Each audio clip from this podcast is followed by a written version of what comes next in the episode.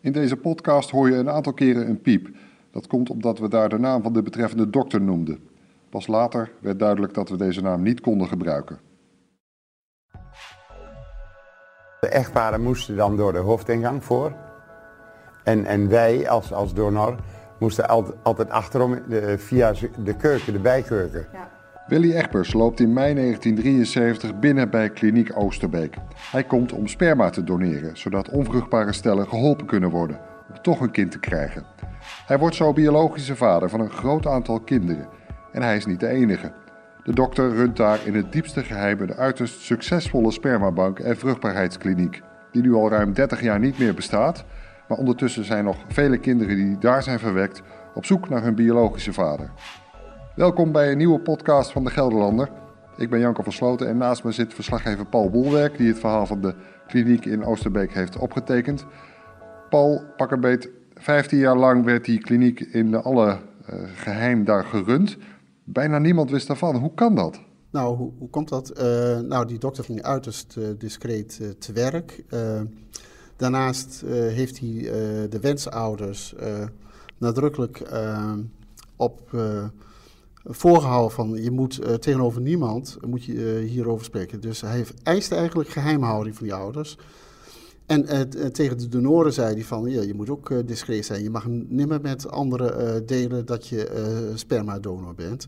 Plus het feit dat er in, in die tijd, in de jaren zeventig, een, een, enorm taboe was op kinderloosheid. Dus niemand, de, de, de stel, niet mee te kopen? Niemand, niemand liep er mee te kopen. En hoe kwam jij erachter? Nou, eigenlijk pas uh, uh, twee jaar geleden, doordat de, Facebookgroep Kinderen van de Kliniek uh, Oosterbeek, dat waren de zogenoemde donorkinderen, de krant benaderde met de vraag: willen jullie een oproep plaatsen? En, en, en ja, ze dachten aan een soort advertentie. Ja, goed, een, een, collega van mij heeft dat toen opgepakt en die heeft daar een, een verhaal aan gewijd. En, ja, en daarna heeft een soort vliegwiel-effect gehad. Toen de tijd uh, ging het nog om uh, eh, 18 donorkinderen. Inmiddels eh, zijn er al 42 donorkinderen. Er hebben zich nu ook zaaddonoren gemeld. En gaandeweg is er steeds meer bekend geworden over, over de kliniek. En er ontstaat ook een beeld hè, over dat geniepige. Ja. dat mensen daar naartoe kwamen, ik geloof met de taxi, en dat ze zich niet voor de deur en zo lieten Ja, dat klopt. mensen, wensouders die die van ver kwamen, die waren al redelijk anoniem. Maar desalniettemin uh, wilden ze niet hebben dat anderen wisten dat ze eh, bij de kliniek moesten zijn. En dan uh, lieten ze zich bijvoorbeeld, als ze met de taxi kwamen, een blokje verder afzetten. En dan gingen ze te voet daar naartoe. Ja, en, en er zijn genoeg wensouders geweest die, die ook op één voor één naar binnen gingen. Dus niet tegelijkertijd. En, ja, en mensen hier uit de omgeving, die hielden het ook gewoon stil. Maar het was een dorp en mensen zagen wel iets. Uh, en er werd ook wel iets over gedacht? Nou, in het dorp uh, wisten ze niet wat er gaande was. Ze wisten dat uh, daar een huisartsenpraktijk was. Maar ze zagen ook allemaal stellen naar binnen gaan. En ze zagen ook mannen achterom lopen. Dus in het dorp werd er heel veel, ging er een gerucht rond van misschien is het wel een seks, sekshuis of een sekskliniek. Ja, dat is, dat is allemaal van die wilde speculaties gewoon omdat ze niet wisten wat er zich precies daar afspeelde ja, iedereen had er baat bij om het stil te houden. Alle partijen. Dokter, je runde deze kliniek. Wie is hij? Wie was hij? Want hij leeft niet meer. Dokter uh, was uh, van beroep kinderarts. Hij heeft in uh, Zuid-Afrika gewerkt. En na zijn pensioen besloot hij naar Oosterbeek te, te gaan. Daar heeft hij na zijn pensioen een huisartsenpraktijk geopend. En vrijwel tegelijkertijd ook een vruchtbaarheidskliniek. En waarom is hij dit gaan doen? Ben je daarachter gekomen? Ja, hij had vooral mededogen met, uh, met de kinderloze stellen. Hij vond het uh, uh, ontzettend pijnlijk voor die mensen dat ze geen kinderen konden krijgen. En in dit geval gaat het vaak om de man, die, die dan vaak slecht zaad had, op zwak zaad zat, hè, zoals ze toen tijd zeiden, of, of, of, of, of ze waren volledig onvruchtbaar. Nou, die stellen uh, konden dus geen kinderen krijgen. Nou, en uh, hij wilde wel voor zorgen dat, er, uh, dat ze toch zwanger konden worden, die vrouwen dan, door inzet van zaaddonors. Dus het kwam, mag je dat zeggen, uit een goed hart? Jazeker. aan intenties van, van de arts wordt niet getwijfeld. niet door de wensouders, niet door de zaaddonors. Hij was ook heel blij met, uh, met de zwangerschappen van, van de vrouwen die bij hem kwamen. Hij uh, ging wel op een nou, bijzondere manier te werk. In ieder geval, hij ronselde uh, donoren uit zijn eigen netwerk. Hè? Ja, Hoe hij deed zocht, hij dat? Hij zocht donoren soms letterlijk om de hoek. dus onder de patiënten in, in zijn huisartsenpraktijk. Daarnaast was de man ook keuringsarts. Onder andere bij de brandweer, maar hij heeft atleten. Uh, hij heeft zelfs nog een bekende Nederlander gekeurd. Of bekende Nederlanders. En, ehm, maar hij was ook keuringsarts van een duikvereniging, Duikclub Meroe in Arnhem. Ja, en die moesten één keer per jaar langskomen voor, voor, voor een fysieke keuring. Nou, en een aantal van hen heeft hij benaderd met de vraag van... Goh, je bent strak van lijf en leden, zou je, zou je ook zaaddonor willen zijn? Ziet er gezond uit. Precies. Markeer niks aan je, dus zou je ook uh, willen leveren. En dat is ook gebeurd? Ja, dat is ook gebeurd, ja. Maar hoeveel donoren nee, die dat, had? Dat is, is, moeilijk te zeggen. Bij de duik, duikclub gaat het zeker minstens om een handvol duikers. Misschien meer... Nee, maar er zijn geen, er is geen, uh, uh, er zijn geen gegevens over het aantal donoren. En hoeveel donorkinderen zijn verwekt is ook onbekend. Want de dokter heeft waarschijnlijk alle dossiers vernietigd. Willy Egbers, we hoorden hem aan het begin van deze podcast, die speelt een belangrijke rol in je verhaal. Hij is een van die donoren en kwam zo'n beetje maandelijks bij de kliniek. En hij vertelt hoe het eraan toe ging. Ja, het was een, niet zo'n open, opene tijd als nu. Het was uh, beladen en, en, en een beetje geheimzinnig. Werd daar ook over gedaan. Maar daar had ik verder niet zo moeite mee. Ja, je ging daar, ik werd dan gebeld en dan ging je, ging je daar naartoe vrijdagsmiddags of zaterdags. En uh, de, de echtparen die kwamen via de voordeur, via de praktijkingang, want dat was de praktijkingang. En wij kwamen altijd via de bijkeuken. Dat was een heel lang corridor om, om, om het... Uh, de, de container te brengen. Verslaggever Paul Bolwerk, je hebt deze Willy Egbers nog uitvoeriger gesproken voor je verhaal. Net als ook een hoop anderen. En sommigen deden het gewoon voor een boekenbon, hè? Ja, dat klopt. Uh, nou, Frans uh, uit, uit Oosterbeek, een, een, een, man die nu 82 is.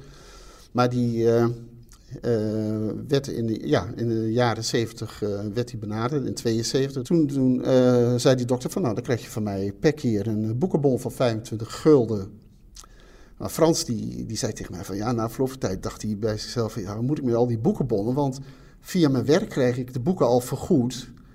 En zegt hij, ik ben niet zo lezerd. Uh, dat zei hij letterlijk, ik ben niet zo lezer. Dus uh, ja, wat moet ik ermee? Die stapel werd allengs uh, dikker en dikker. En, en hij heeft dit probleem ook aangekaart bij, bij, bij dokter. En die zei van, nou ja, dat is ook niet zo moeilijk. Dan krijg je gewoon het contant. Dan krijg je 25 gulden per keer. Hij heeft ervoor betaald gekregen. Maar uh, een andere donor, uh, die bijvoorbeeld lid was van de duikclub uh, Meroe in Arnhem, die, die wilde geen geld. Die had zoiets van: ik wil kinderloze stellen helpen en daar wil ik niet, geen vergoeding voor krijgen. Een van de verwekte kinderen is Marianne van Bussel. En ze hoorde pas toen ze volwassen was dat ze in de kliniek verwerkt is. En ze vertelt hoe dat voor haar was. Ik kwam er rond mijn negentiende achter. Toen kwamen we ergens omgeving uh, Oosterbeek. Ik kwam van Apeldoorn natuurlijk, reden we terug. En uh, uh, in mijn beleving um,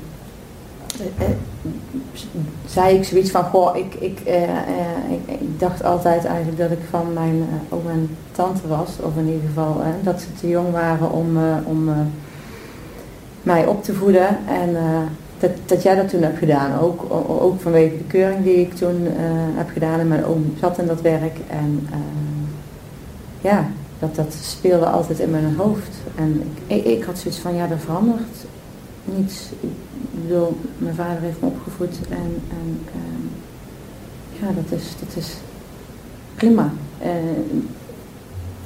dat, dat is de, degene die opgevoed heeft. En, en dat is je vader. En ja nam het meer als een feit en um, um, heb het weggestopt, denk ik daarna ook. Paul, is er enig zicht op hoeveel kinderen er nou precies zijn verwekt in die kliniek? Nee, dat is uh, heel moeilijk om daar een goede inschatting van te maken. Een voorzichtige schatting is dat om enkele honderden uh, kinderen gaat. het punt is dat die dokter 15 jaar lang een kliniek heeft gehad in Oosterbeek, een vruchtbaarheidskliniek. En er zijn ontzettend veel stellen naartoe gegaan. Maar zelfs het ministerie van VWS heeft geprobeerd daar een beetje zicht op te krijgen en, en zegt van er zijn geen gegevens meer te vinden.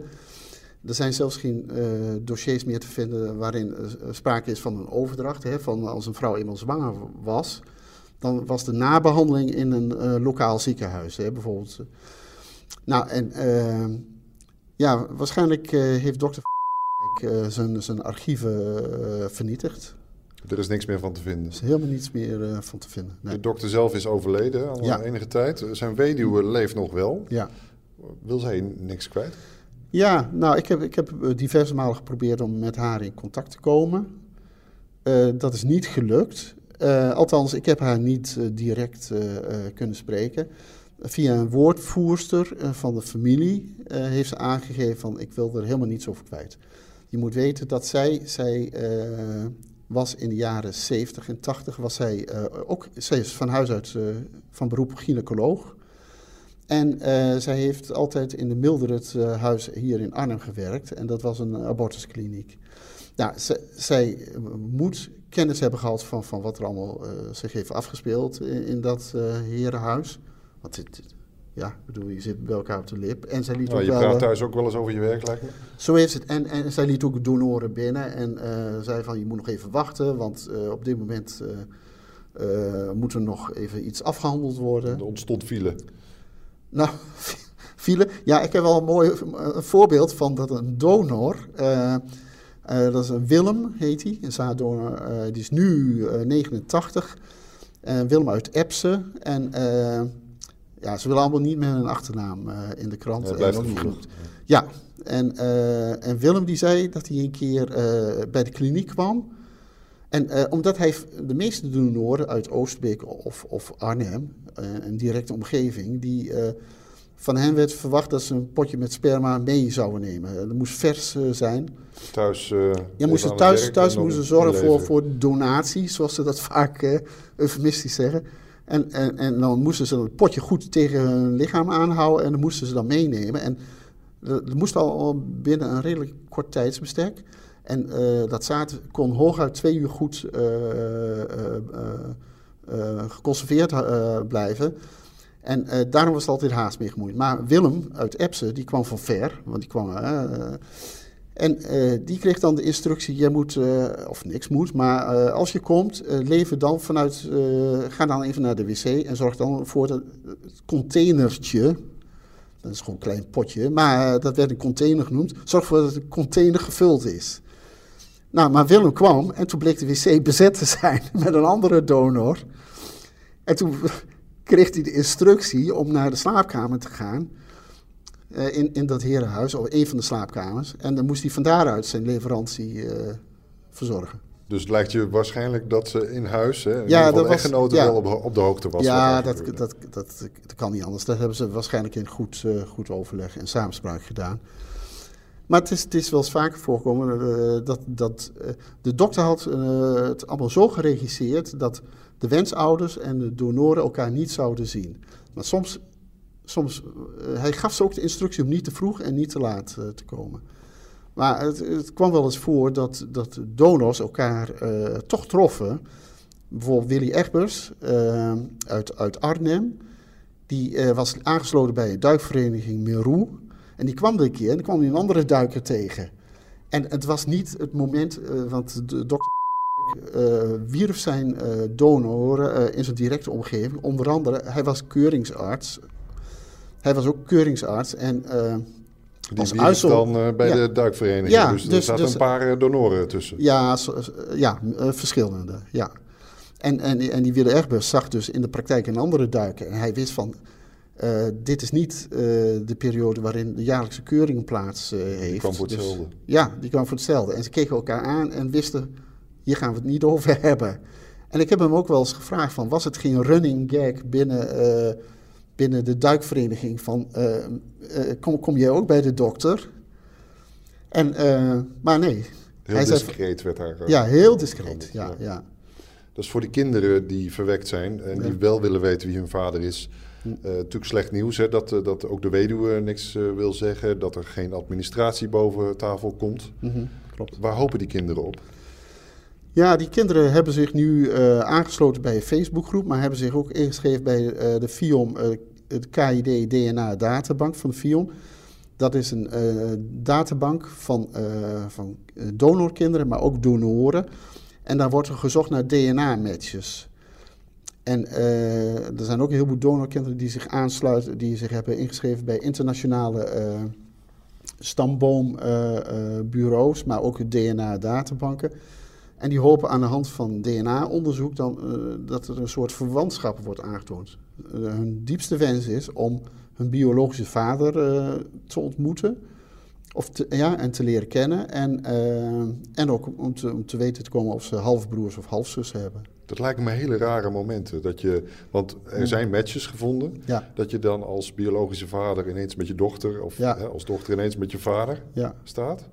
Ja, nou ja, de zaaddonoren die, die zich hebben ingeschreven bij de FIOM, die hebben geen moeite meer gehad om hun anonimiteit prijs te geven. Maar in Arnhem en omgeving lopen heel veel zaaddonoren rond die dat uh, blijkbaar niet willen en die zich nog niet gemeld hebben. Dus die, en die waarschijnlijk ook niet zitten te wachten op een hereniging met hun uh, biologische kinderen. Want je moet niet vergeten dat uh, het heeft enorme impact. Op het moment, er zijn heel veel zaaddonoren die niet in hun directe omgeving, dus niet aan hun vrouw of aan hun eigen kinderen, wettige kinderen hebben aangegeven dat ze, dat ze ooit zaaddonor zijn geweest.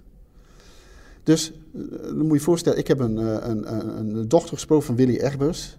Zij was de enige wettige dochter. En uh, zij zegt van ja, en dan ineens komen er allemaal uh, uh, donorkinderen. Nou, en in het begin dacht ze van, ze, ze, was gebrouilleerd al heel lang met haar vader. En dan verneemt ze dat die donorkinderen, die sinds een paar jaar weten wie, wie hun vader is, dat die een band met hem opbouwen en, en bijvoorbeeld uh, met, met hem naar ziekenhuizen gaan, uitjes met hem ondernemen. En dan zegt ze ja, zij weten niet, ze hebben niet de, ze hebben, we, hebben, we zijn wel familie, maar we hebben geen gedeeld familiealbum. Dus uh, zij weten niet, zij kennen niet de geschiedenis die ik heb uh, met mijn vader. Dus binnen die gezinnen kan dat ook heel veel spanning opleveren. Nou, in, in dit geval gaat die dochter, de wettige dochter, gaat goed om met, met, met haar halfbroer en halfzussen. Ze blijkt één halfbroer te hebben en vijf, uh, half, zes halfzussen. Dan heb je ineens een familie. Ja, nou en dat vindt ze ook wel leuk. Want ze zegt van ik was enig kind en, en nou ineens blijkt de familie veel groter dan gedacht. Ik heb haar nog gevraagd van hoe groot zal je familie zijn, wat denk je? Dan zei ze nou dat ligt er maar aan hoe integer dokter is geweest. Dus... Ze zegt, ik weet het niet, maar zondag jongsleden uh, uh, is er ineens een, een halfzus uh, op het toneel verschenen. en, en daar gaat ze ook kennis mee maken. Ja, hoe integer was de dokter? Want je hebt ook met de ja. gynaecologen gesproken die in, Ja. in, hier in het ziekenhuis in Arnhem werkte. Ja. Um, hoe werd er naar zijn werk gekeken? Ja, die dokter stond als een hele goede arts te boek. Die integer heeft gewerkt en... ehm, ja, kijk, hij heeft integer gewerkt. Van de andere kant zeggen de gynaecologen in een uh, ziekenhuis Rijnstaat, en een van hen heb ik gesproken, dat is Maarten Kloosterman, die al meer dan 30 jaar verbonden was aan Rijnstaat, ziekenhuis Rijnstaat in Arnhem en de voorloper daarvan. Hij is ook de, de, de man geweest die een, een spermabank heeft opgezet bij, binnen ziekenhuis Rijnstaten. En die zei van ja, we wisten van het bestaan van de kliniek, maar we vonden het wel vreemd dat een kinderarts na zijn pensioen een huisartsenpraktijk begint en ook nog eens een vruchtbaarheidskliniek. Hij zei, we hebben wel gedacht van, ja, waar ben je mee bezig? Schoenmaker hou je bij je leest. Maar daar is bij gebleven. Ze, hebben, ze vonden het vreemd, maar ze hebben, uh, ze hebben hem er nooit op uh, aangesproken. Tegenwoordig uh, zijn de regels een stuk strenger. Ja, is er van alles vastgelegd wat wel en niet mag. Mm -hmm. Um, er is één um, man in jouw verhaal die nou, misschien wel 150 nakomelingen heeft. Mm -hmm. dat is niet meer, dat gebeurt niet meer. Hè? Nee. nee, klopt. Er is nu sinds 1 juni 2004 is er een wet en die geeft aan dat anoniem donorschap niet meer mag. En daarnaast is er door, door gynaecologen in Nederland en Vlaanderen is afgesproken. Dat is alweer een behoorlijk lange tijd geleden hebben ze afgesproken. We gaan een soort limiet stellen aan het aantal kinderen dat een donor mag verwekken. En dat, maximaal, dat, dat ligt op maximaal 25. Dat heeft ook te maken met de inteelt. Hè? Dat de kans dat je ja. Een familielid tegenkomt waar je iets mee begint. Nou ja, dat, dat is ook zo. Want, want ik heb bijvoorbeeld een stel gesproken uit Brabant, Joop en Annie. En, en Annie vertelde van ja, ze hebben nooit aan hun kinderen verteld dat ze donorkinderen zijn. En gegeven ogenblik besloot de oudste uh, zoon besloot te gaan stappen in Nijmegen. En ze zei ze, nou, ik heb met zweet in de handen gezeten. En gedacht van, oh, als ze me niet een halfzus tegenkomt. En ze zei, die kans was reëel. Want die, ja, de kliniek in Oosterbeek en in, in, in Gelderland, er zijn ook nog genoeg kinderloze stellen die uh, naar zijn kliniek gegaan. Voor hetzelfde geld krijgt hij, wordt hij verliefd op een, op, op, op een meisje en dat blijkt dan uh, een halfzus te zijn. En dat, dat, ze zei van nou, ik heb er slapeloze nachten van gehad. Dan kan ik me voorstellen dat als je luistert naar uh, dit verhaal uh, en je twijfelt misschien zelf over je afkomst, of je bent zelf donor en je wilt ehm, toch iets kwijt, of je wil misschien uit de anonimiteit stappen, of je hebt daar vragen over, wat moet je dan doen? Nou, je kunt verschillende wegen bewandelen. Je kunt je aanmelden bij de Facebookgroep Kinderen van de Kliniek Oosterbeek. Maar je, voor de hand ligt ook dat je naar de FIOM stapt. en Viom heeft dus die databank, de KID DNA-databank.